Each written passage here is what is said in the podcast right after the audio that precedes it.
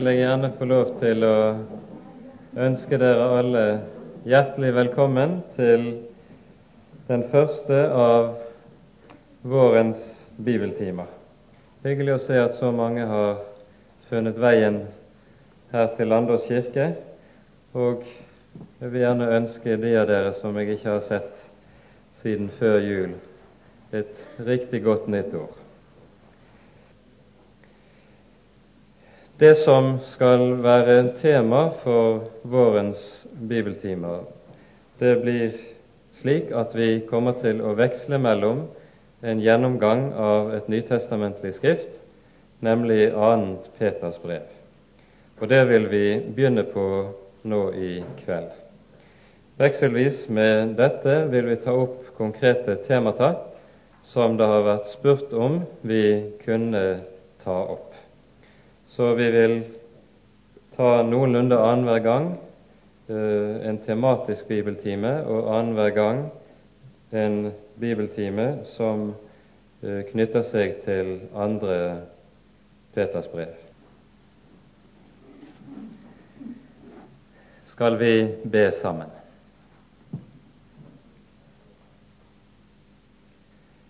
Kjære Herre, du trofaste og hellige Gud og Far. Vi takker og lover deg at vi på ny skal få komme sammen om ditt hellige ord og i ditt hellige navn. Takk, Herre, at du har kalt oss til å høre Jesus til. Og takk, Herre, at du i ham har gitt oss alt vi overhodet trenger både for tid og evighet.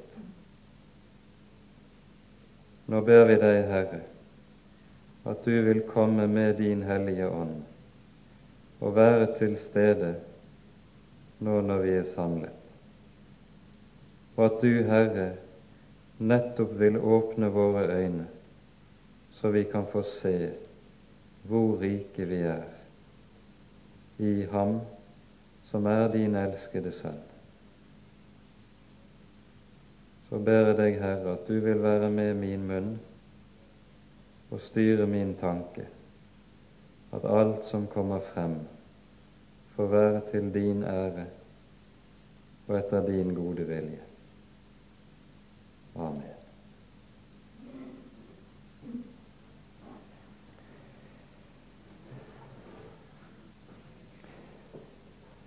Det vi i dag skal ta for oss når vi nå beveger oss inn i 2. Peters brev. Det er de elleve første versene i kapittel 1 som utgjør det innledende avsnitt, og samtidig det avsnitt som gir noe av en grunnvoll under og et fundament under det som kommer videre ut i brevet. Og vi tar oss tid til å lese disse elleve første versene nå med en gang innledningsvis. Simon Peter, Jesu Kristi tjener og apostel, til dem som har fått samme dyre tro som vi, ved vår Gud og Frelser Jesu Kristi rettferdighet Nåde og fred bli dere mangfoldig til del, i det dere kjenner Gud og Jesus, vår Herre. Ettersom Hans guddommelige makt har gitt oss alt som tjener til liv og gudsfrykt, ved kunnskapen om Ham som kalte oss ved sin egen herlighet og kraft, og derved har gitt oss de største og dyreste løfter, for at dere ved dem skulle få del i guddommelig natur, idet dere flyr bort fra fordervelsen i verden som kommer av lysten. Så legg og just derfor all vind på i deres tro og vise dyd, og i dyden skjønnsomhet, og i skjønnsomheten avhold, og i avholdet tålmod, og i tålmodig gudsfrykt, og i gudsfrykten broderkjærlighet, og i broderkjærligheten kjærlighet til alle. For når disse ting finnes hos dere og får vokse, da viser de at dere ikke er uvirksomme eller ufruktbare i kunnskapen om vår Herre Jesus Kristus. For den som ikke har disse ting, han er blind, nærsynt, idet han har glemt renselsen fra sine fordums synder. Derfor, brødre, legg enn mere vind på og gjøre deres kall og utvelgelse fast. For når dere gjør disse ting, da skal dere ingensinne snuble. For på denne måten skal det rikelig gis dere inngang i vår Herre og Frelser, Jesu Kristi evige rike. Amen.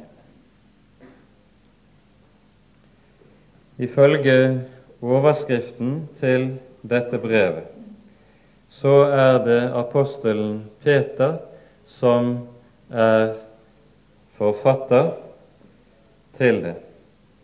Dette brevet står blant de nytestamentlige skrifter i en spesiell stilling, i det det ser ut til at det i Oldkirken ikke har vært synderlig kjent og utbredt før man kommer utover et stykke på to- og trehundredetallet.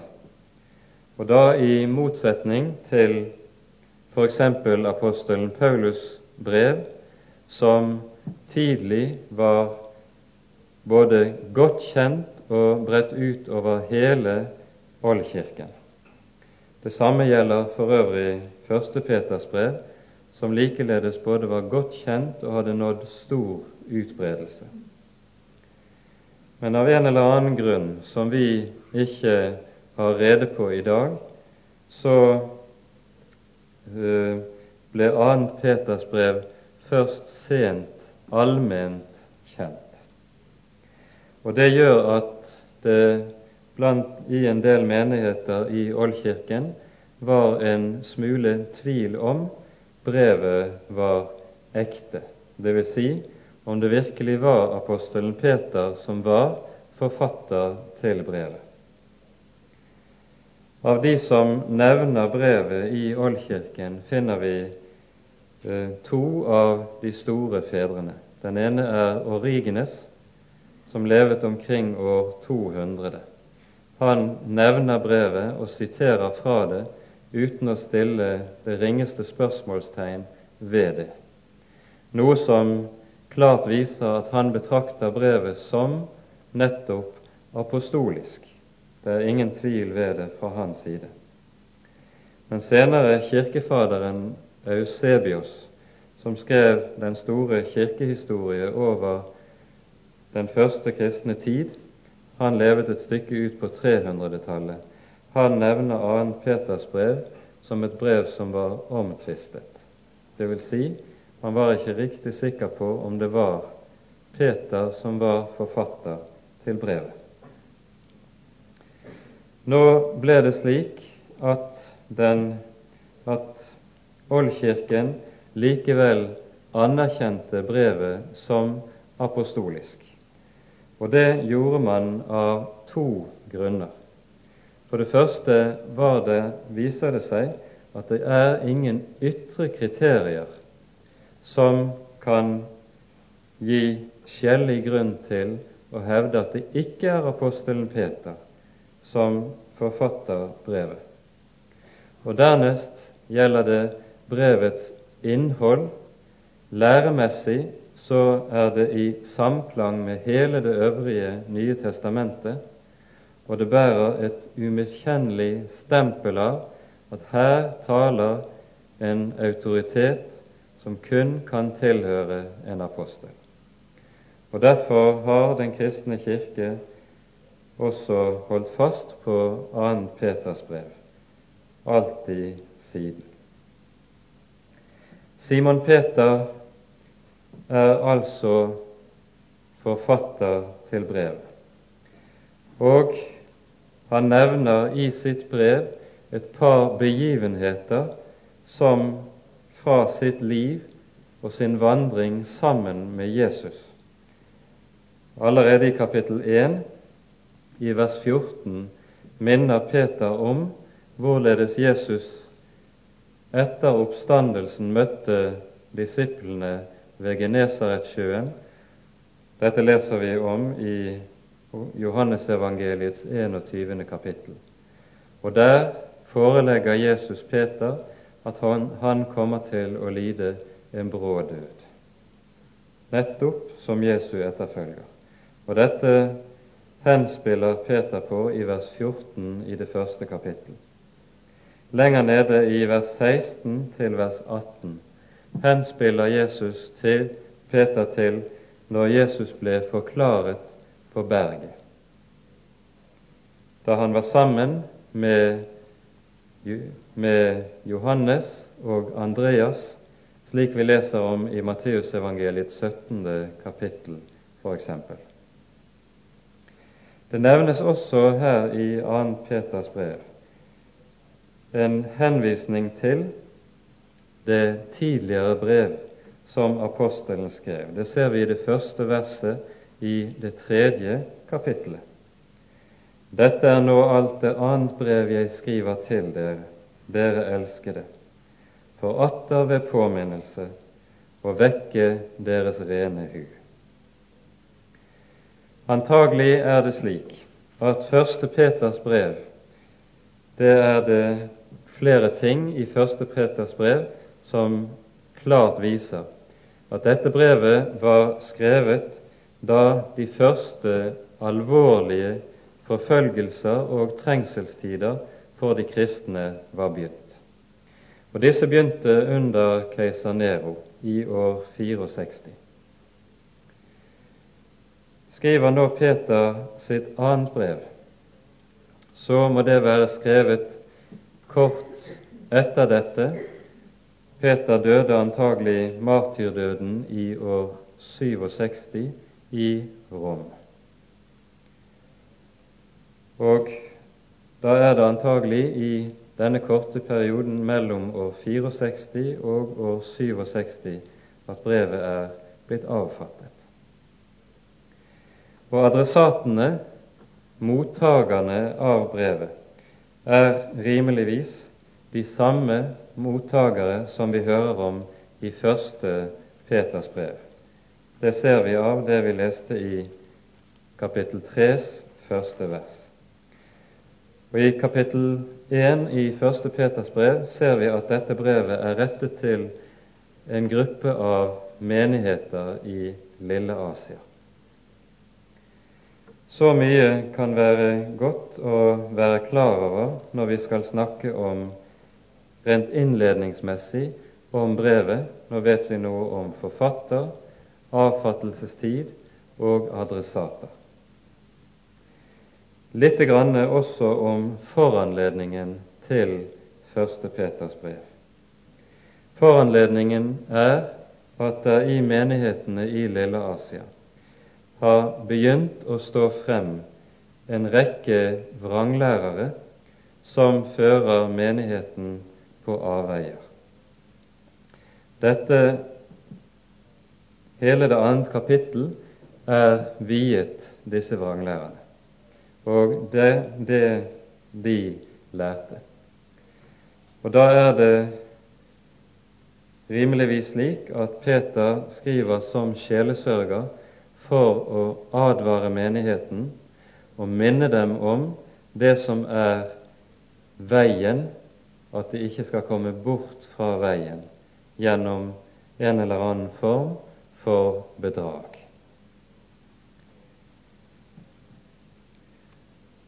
Vi skal legge merke til at når Peter begynner sitt brev, så begynner han nesten på samme måte som Paulus gjør det når han begynner sine brever.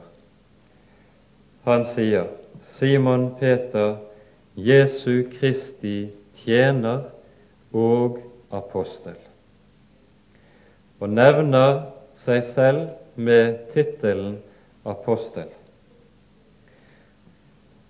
Og det er ikke tilfeldig at både Paulus og Peter bruker denne tittelen om seg selv i innledningen til brevet. For dermed gir de til kjenne med hvilken autoritet og med hvilken fullmakt de skriver.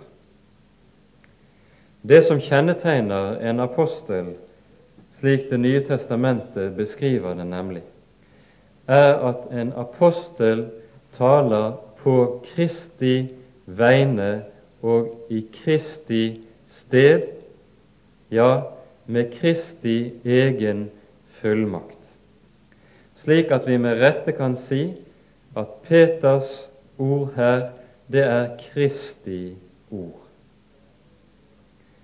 Dette ser vi klart at det er en myndighet som Jesus selv har gitt sine apostler da han kalte dem og sendte dem.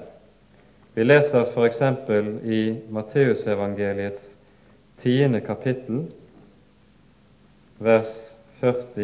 Jeg tror vi skal ta oss tid til å lese det.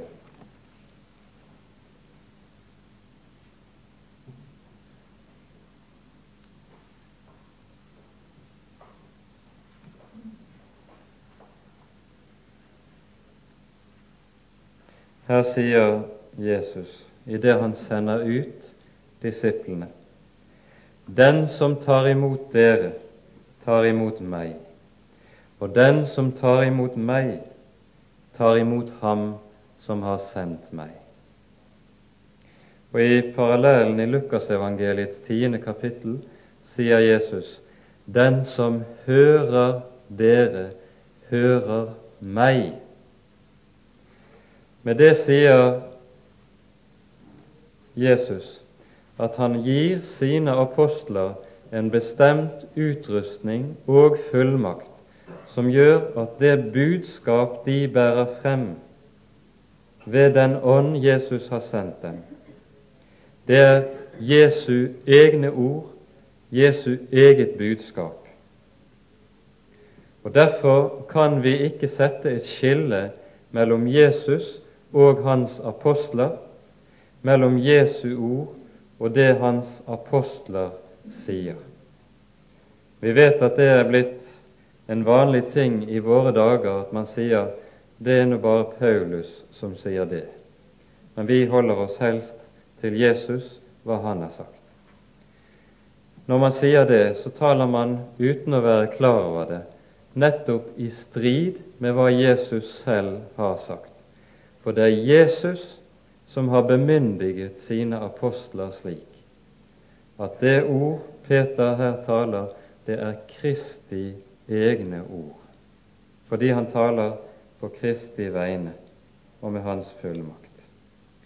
Det er det som ligger i å være en apostel. Og Dermed blir det også klart at når Peter som apostel her skriver til menighetene i Lille Asia, så gjør han det ikke på eget initiativ, fordi han selv har funnet på noe eller tenkt ut noe som han synes det er bra at andre får høre. Men han gjør det på Kristi initiativ og oppdrag. Det er som hans tjener han gjør det han gjør. Og Derfor brukes ordet tjener også i brevets innledning her. Det ord som brukes for tjener i den bibelske grunntekst, det er et ord som egentlig betyr trell eller slave. En trell, det er en som ikke er sin egen herre. Det er en som ikke har fullmakt til å gjøre noe på egen hånd. Men i alt han er og gjør, står han til sin Herres disposisjon. Og det er nettopp som dette Peter øver sin tjeneste, som Kristi trener, trell. Som Kristi tjener. Og så sier apostelen videre.: Simon Peter, Jesu Kristi tjener og apostel, til dem som har fått samme dyre tro som vi, ved vår Gud og Frelser Jesu Kristi rettferdighet. Dette første verset i 2. Peters brev er overmåte innholdsrikt. Uttrykket 'den dyre tro' det peker på noe grunnleggende ved den kristne tro. Det er ikke noe som er billig. Det er ikke noe som er lettkjøpt. Det er ikke noe som er beheftet med den selvfølgelige lettvinthet som man av og til kan få fornemmelsen av at troen omtales med i våre dager. Den dyre tro. Legg merke til det uttrykket. Det utdypes videre i vers 3, og vi kommer tilbake til det der. Men legg også merke til at det sies til de som har fått denne tro. Det sies ikke de som har tatt denne tro. Og Dermed pekes det på noe grunnleggende i det som kjennetegner troen slik vi får den malt for oss i Det nye testamentet. Troen er en gave som er gitt av Gud, og som er gitt ovenfra, og som intet menneske kan ta seg til eller bestemme seg for ved egen viljeanspennelse eller ved eget strev. Så kunne vi da spørre hvordan skjer da det at et menneske får troen gitt? Jo, det leser vi nettopp om her. Ved vår Herres og Frelsers Jesu Kristi rettferdighet. Et viktig og grunnleggende uttrykk. Før vi ser nærmere på det, vil jeg minne om det som står i innledningen til Romerbrevet i det første kapittel. For her er det samme sak som males for oss.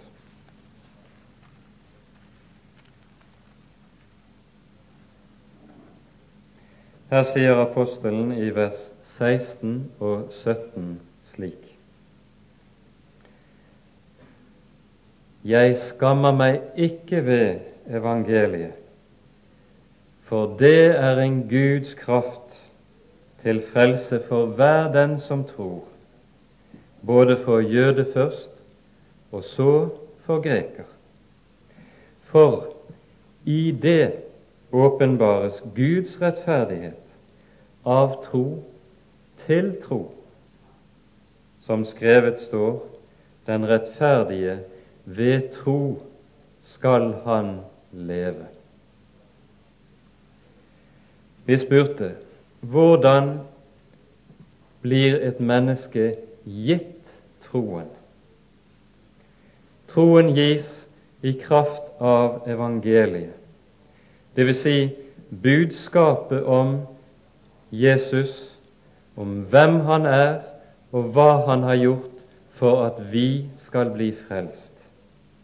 Det er evangeliet i ordets egentlige forstand. Evangeliet har ikke det med seg at det peker på deg og sier du skal gjøre så og så, du skal være slik og slik. For evangeliet taler ikke om oss og hva vi skal være eller gjøre. Evangeliet har det med seg at det taler om Jesus, hva Han har fullbrakt, hva Han har gitt, hva Han har ofret og at Han nettopp har gjort det på dine og mine vegne, og at Han har gjort dette for intet, ikke for noe som vi skal yte som en motytelse vi skal gi ham. Nei, evangeliets rette kjennetegn er at det lyder For intet har dere fått det. Og der dette evangelium forkynnes klart, der dette evangelium forkynnes i samsvar med Guds ord, der er det en kraft, leser vi. Det er en Guds kraft til frelse. Det betyr at i dette budskap, i dette ord, er det en virkekraft som er slik at der budskapet får rom, der virker det tro, der virker det til frelse i hjertet. Det er ikke jeg som gjør noe for å bli frelst, men det er der ordet om Jesus finner rom. Der virker det tro, fordi Guds egen kraft er virksom i dette ord, i dette budskap. For det er en Guds kraft til frelse for hver den som tror, både for jøde først og så for greker. Og legg merke til begrunnelsen. For, sier Paulus så, i det åpenbares Guds rettferdighet av tro. Guds rettferdighet, hva er det for noe? Rettferdighet betyr i Bibelen det å være i samsvar med det Gud krever av meg i sin hellige lov. Hvis jeg er rettferdig, så er det nettopp slik at da er jeg slik loven krever av meg. Men nå er jo det nettopp vårt problem og vår nød at vi ikke er slik. Budskapet i evangeliet, det taler da om hva? Jo, at denne rettferdighet som Gud krever, den gir Han ved troen. Og den kan bare tas imot i troen. Et menneske får ikke del i den dersom den prøver, det prøver på det ved gjerninger. For Det nye testamentets store budskap og hemmelighet er at Jesus har oppfylt det som kreves for at du og jeg skal bli frelst. Jesus har oppfylt alle betingelser for at du skal bli salig, for at du skal bli et Guds barn. Det er Guds rettferdighet. I det åpenbares Guds rettferdighet av tro til tro. Legg merke til det som står. For der rettferdiggjørelsen av tro forkynnes i sannhet, der virker den til tro. Det er det denne setningen betyr. Som skrevet står, den rettferdige ved tro skal han leve. Vi blir altså frelst. Vi blir altså Guds barn. Vi får del i Guds rike ved troen på at en annen har gått i vårt sted og gjort det vi skulle ha gjort, men ikke har gjort, har vært det vi skulle være, men ikke var. Så forstår vi hvorfor Peter skriver som han gjør i innledningen til sitt brev, til dem som har fått samme dyre tro som vi, ved vår Gud og Frelser Jesu Kristi rettferdighet. Min rettferdighet overfor Gud, det er en person. Det er Jesus selv som er mitt liv og min rettferdighet for Gud. Intet mindre. Og Da skjønner vi hvorfor Peter kan tale om den dyre tro. Så hilser Peter etterpå menighetene med ordene Nåde og fred bli dere mangfoldig til del, det dere kjenner Gud og Jesus, vår Herre. Når dere taler om Jesu Kristi rettferdighet, da skjønner vi da er det med det også tale om Guds nåde. Fordi nåde betyr det som gis for intet uten at vi har fortjent det. Det er det ordet nåde betyr. Og nå ønsker Peter for menighetene at nettopp denne Guds nåde skal bli stor, skal bli rik og få vokse for hjertene. Og dette hører sammen med de kristnes fred. For ordene nåde og fred hører sammen i Bibelen. Der Guds nåde er, der er Guds fred. Der Guds nåde ikke er, der er det ingen fred.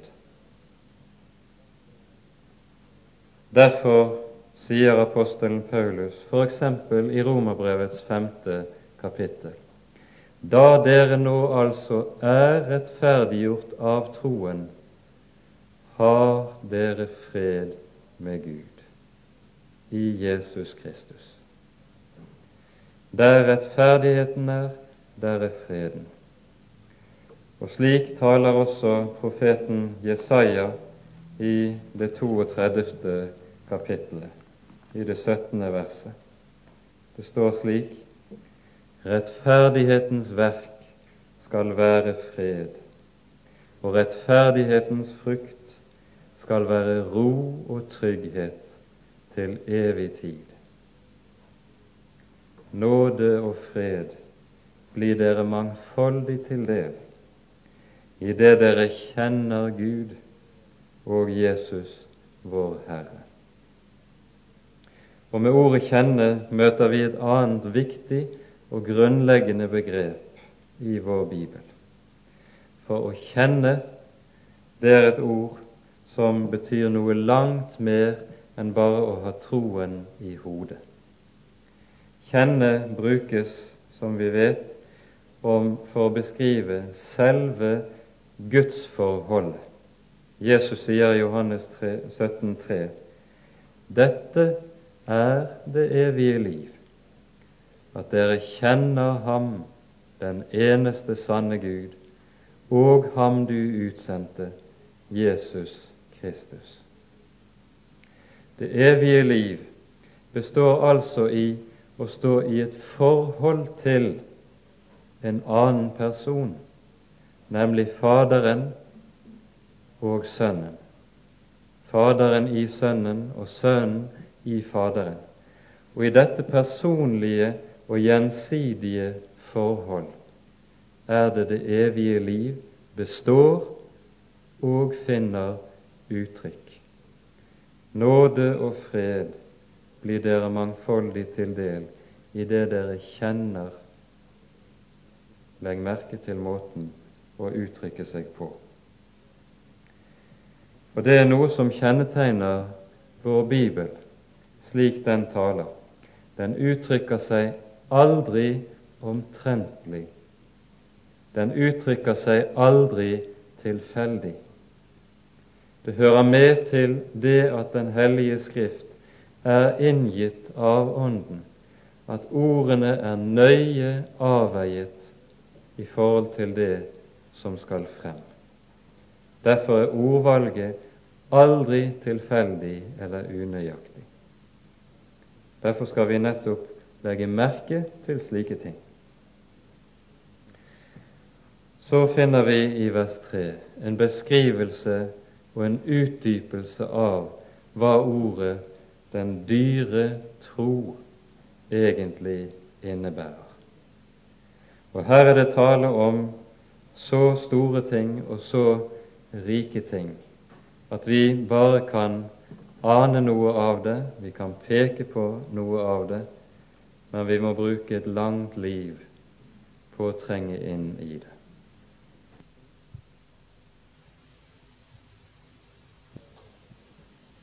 Her leser vi slik Ettersom Hans guddommelige makt har gitt oss alt som tjener til liv og gudsfrykt, ved kunnskapen om Ham som kalte oss ved sin egen herlighet og kraft.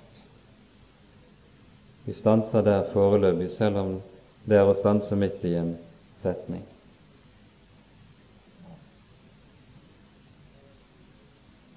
Her skriver apostelen Hans guddommelige makt har gitt oss alt.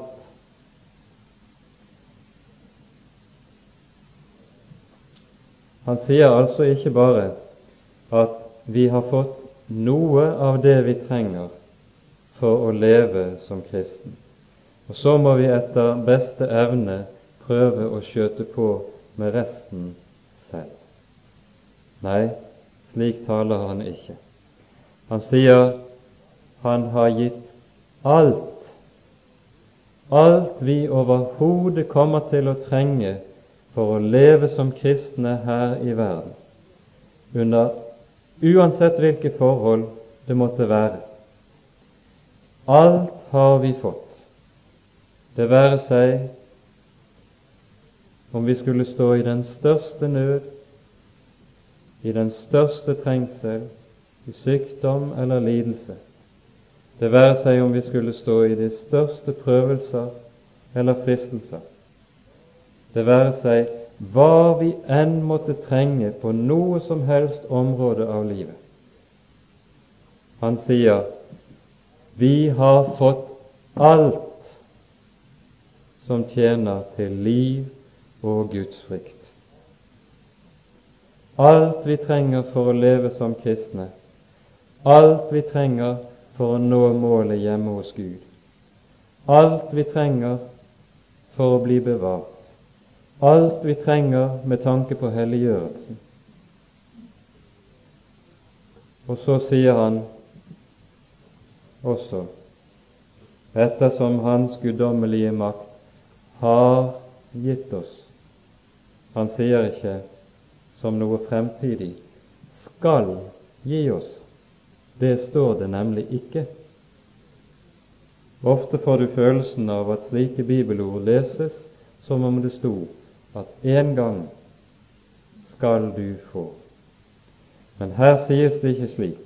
Her sies det tvert om Hans guddommelige makt har allerede gitt oss det vi trenger. Da kan vi skjønne, når vi begynner å se noe av hva som ligger i dette, at David kan bryte ut i Salme 23. Herren er min hyrde. Jeg mangler ingenting. Meg fattes intet. Det er helt bokstavelig ment. Så kunne vi spørre hvordan og hvor, på hvilken måte er det Han som er Herre, har gitt oss alt slik? For det første den rikdom som det her er tale om, den er noe som er gitt oss i den Herre Jesus. I Romerbrevets åttende kapittel, i vers 32, skriver apostelen Paulus slik. Han som ikke sparte sin egen sønn, men ga ham for oss alle. Hvorledes skulle han kunne annet enn å gi oss alle ting med ham? Tenk på hvem det var som ga livet for deg. Tenk på hva han ofret, han som ga livet for deg. Han som hang på korset, hvem var han? Guds sønn av evighet, ved hvem himmel og jord er blitt til, og ved hvem himmel og jord blir holdt oppe og båret, like inntil siste dag. Han er det, den allmektige og evige Guds sønn, det er Han som henger på korset. Det er Han som gir livet. Det er Han som ikke ble spart. Og har Gud spandert så mye for å redde syndere? hvorledes skulle Han kunne annet enn å gi oss alle ting med Ham? En sang ble skrevet for noen år tilbake som het Vet du ikke at du er rik? Og sannelig, det spørsmålet kan vi kristne ha god grunn til å stille oss selv. For hvor lett glemmer vi ikke disse sannheter om hva Gud har gitt oss i sin Sønn. Vi ser på oss selv. Vi ser på vår egen fattigdom. Vi ser på hvor dårlig det går med det å leve som kristen. Og jo mer vi ser på oss selv, jo mer finner vi grunn til å være motløse. Jo mer synes vi at det slett ikke er slik at jeg har alt, men tvert om som om det skulle være slik at jeg manglet alt. Da skal du tenke på at de løfter det her er tale om, og de sannheter som Skriften her viser oss, de peker på at det vi har fått, det har vi ikke fått i oss selv, men vi har fått det i Jesus. Slik at vi har det i samme grad som hjertet setter sin lit til hva vi eier i Jesus. Derfor er hemmeligheten med alt kristent liv den består dypest sett i å se hva vi har i Jesus. Jo mer jeg blir opptatt med meg selv, jo mer jeg blir opptatt med å streve med meg selv, jo mer jeg blir opptatt med alt dette ytre som jeg skal gjøre og være og kave med og tjene med, jo mer er det fare for at blikket dras bort fra dette grunnleggende hva jeg har og eier i Gud selv. Og dras blikket bort fra ham, så står motløsheten og banker på døren. Og så kommer det de som vil hjelpe oss ut av den sorten kriser av den sorten motløshet, av den sorten kraftløshet. Og så sier de Gud har mer å gi. Nei, det er ikke sant. For han kan ikke gi mer enn han allerede har gitt. Hemmeligheten er bare at du har alt du trenger i Jesus. Spørsmålet er om du ser det. Den samme sannhet pekes det på for oss i 2. Korinterbrevs åttende kapittel, når det tales om den Herre Jesus slik. Dere kjenner vår Herre Jesu Kristi nåde, at Han ble fattig da han var rik, for at dere ved hans fattigdom skulle bli rike. 2. Korinterbrev 8,9. Han har byttet, ja, byttet med meg, slik at han har tatt all denne fattigdom som hører med som en del av mitt liv, ja, som kanskje selve kjennetegnet på mitt liv. Det har han tatt og så skal jeg få lov til å eie Hans rikdom. Alt som tjener til liv og Guds frykt, har Han gitt, og eier du i Jesus. Da kan vi skjønne at når apostelen Paulus ber for menighetene som han skriver til, hva ber han om da først og fremst? at de må få hjertets opplatte øyne til å se hvor rik på herlighet den arv er som Herren har gitt sine. Les bønnen i Efeserbrevet første kapittel når dere får anledning til det.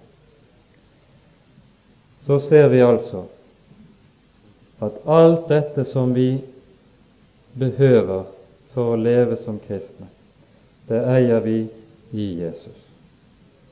Det det er snakk om, og det det handler om for vår del da, det er å se det og tilegne oss kjennskap og kunnskap til Ham. Og Derfor står det alt som tjener til liv og gudsfrykt, ved kunnskapen om Ham. Ordet kunnskap er det samme som brukes for å kjenne, kjennskap i vers 2 i grunnteksten. Så det hele er knyttet til nettopp det å lære Jesus å kjenne. Det å være en kristen, det består dypest sett i å vokse i kjennskap til Ham, til Gud selv. Det er min rikdom. Der ligger hemmeligheten. Der ligger svaret på all min nød. Og så står det i vers 4.: Og derved har gitt oss de største og dyreste løfter, for at dere ved dem skulle få del i guddommelig natur, idet dere flyr bort fra fordervelsen i verden som kommer av lysten. De største og dyreste løfter. Legg merke til at her møter vi hele tiden evangeliet.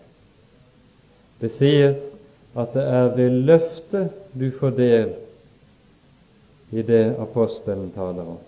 Ikke ved loven, ikke ved lovens krav, men ved disse store og dyre løfter gis der del i guddommelig natur. Det betyr ikke at vi blir guddommelige, slik som f.eks.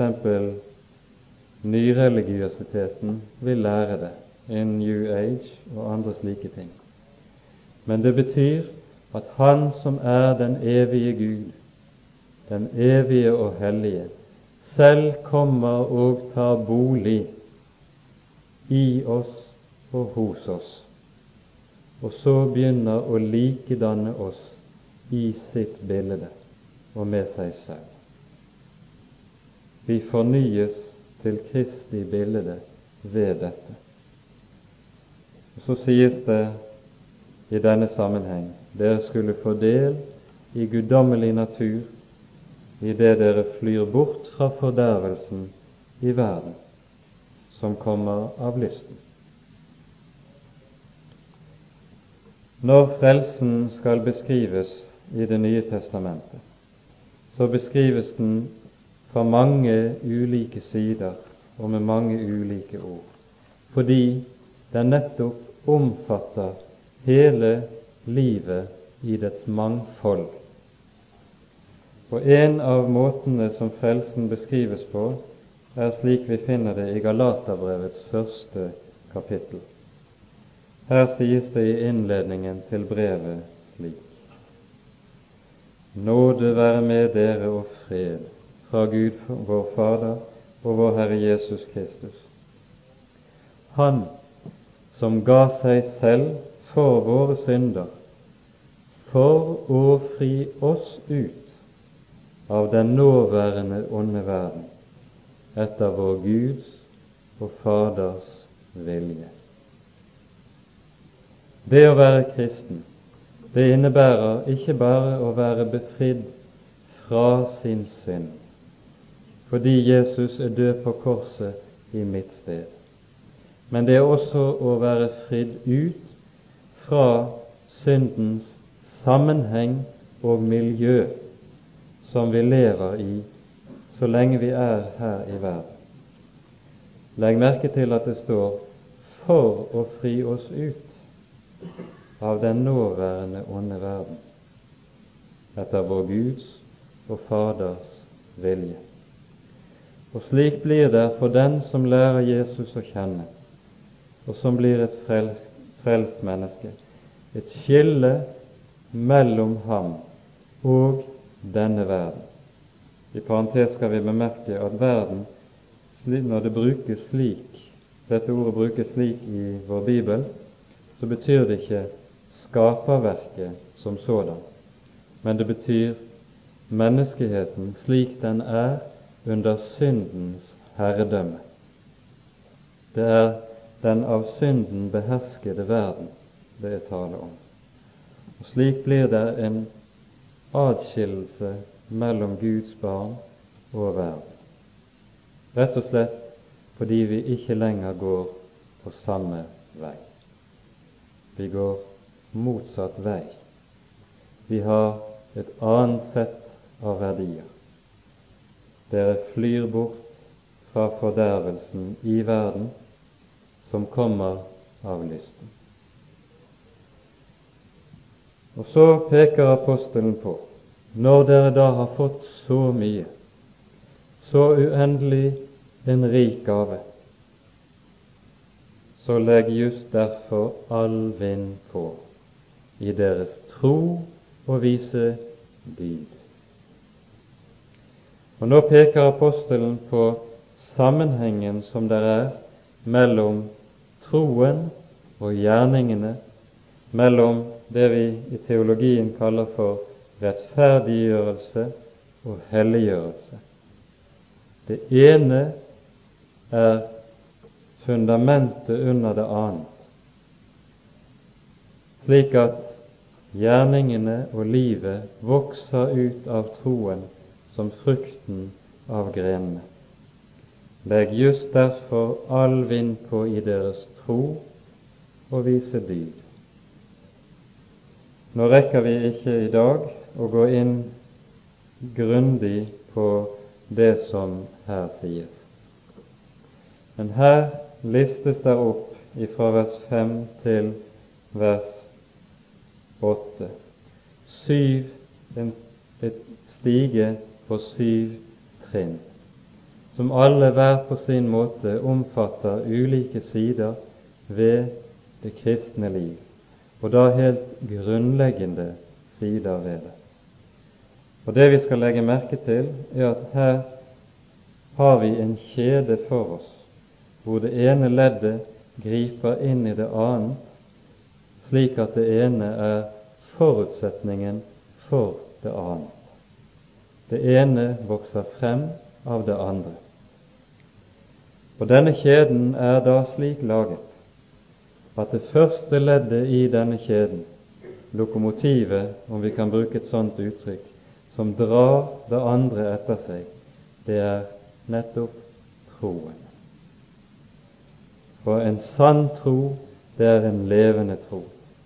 Den kan aldri være død eller uvirksom. Den kan aldri ligge og dovne seg, slik Luther kan tale sterkt og klart om. Men den gjør gjerne det som er Gud til behag. Det første leddet i kjeden, det er troen. Og det siste leddet, det er kjærligheten. Kjærligheten som troens fremste frukt. Ordet dyd som brukes i grunnteksten her, eller som brukes her, det er et ord som vi finner bare ett sted i vårt Nytestamentets grunntekst. Og det brukes ellers i den nytestamentlige samtid for å beskrive den handlekraftige rettskaffenhet. Den som ikke ørkesløst driver omkring og intet gjør. Det er det som ligger i dette ordet. Og Så slutter apostelen av med å si slik For når disse ting finnes hos dere og får vokse, da viser de at dere ikke er uvirksomme, eller ufruktbare i kunnskapen om vår Herre Jesus Kristus. Her kunne vi kanskje passende til slutt minne om det vi leser i Johannesevangeliets 15. kapittel, der vi hører om vintreet og grenene og frukten, og der nøkkelen i alt og til alt er det ord som dukker opp på ny og på ny. Ti ganger i dette kapittelet sier Jesus, 'Bli i meg', eller 'Bli i min kjærlighet'. Den som blir i meg, han bærer meget frukt. Det er ikke tilfeldig at Jesus så sterkt legger inn over oss at dette er kilden til alt sant kristent liv. Bli i meg, ikke bli i min tjeneste. Det er ikke det han sier. Ikke bli i din selvoppofrelse eller i dine bønner, i ditt engasjement. Nei, han sier 'bli i meg'. Dette er det evige liv, at de kjenner deg, den eneste sanne Gud, og Han du utsendte, Jesus Kristus. Forholdet til, det grunnleggende forholdet til Jesus i evangeliet, det er den levende kilde til alt kristent liv overhodet. Og Derfor er det også at all vekt ligger på det. Bli i meg. Da bærer deres frukt. Og om det skal vi kanskje få tale mer ved neste anledning.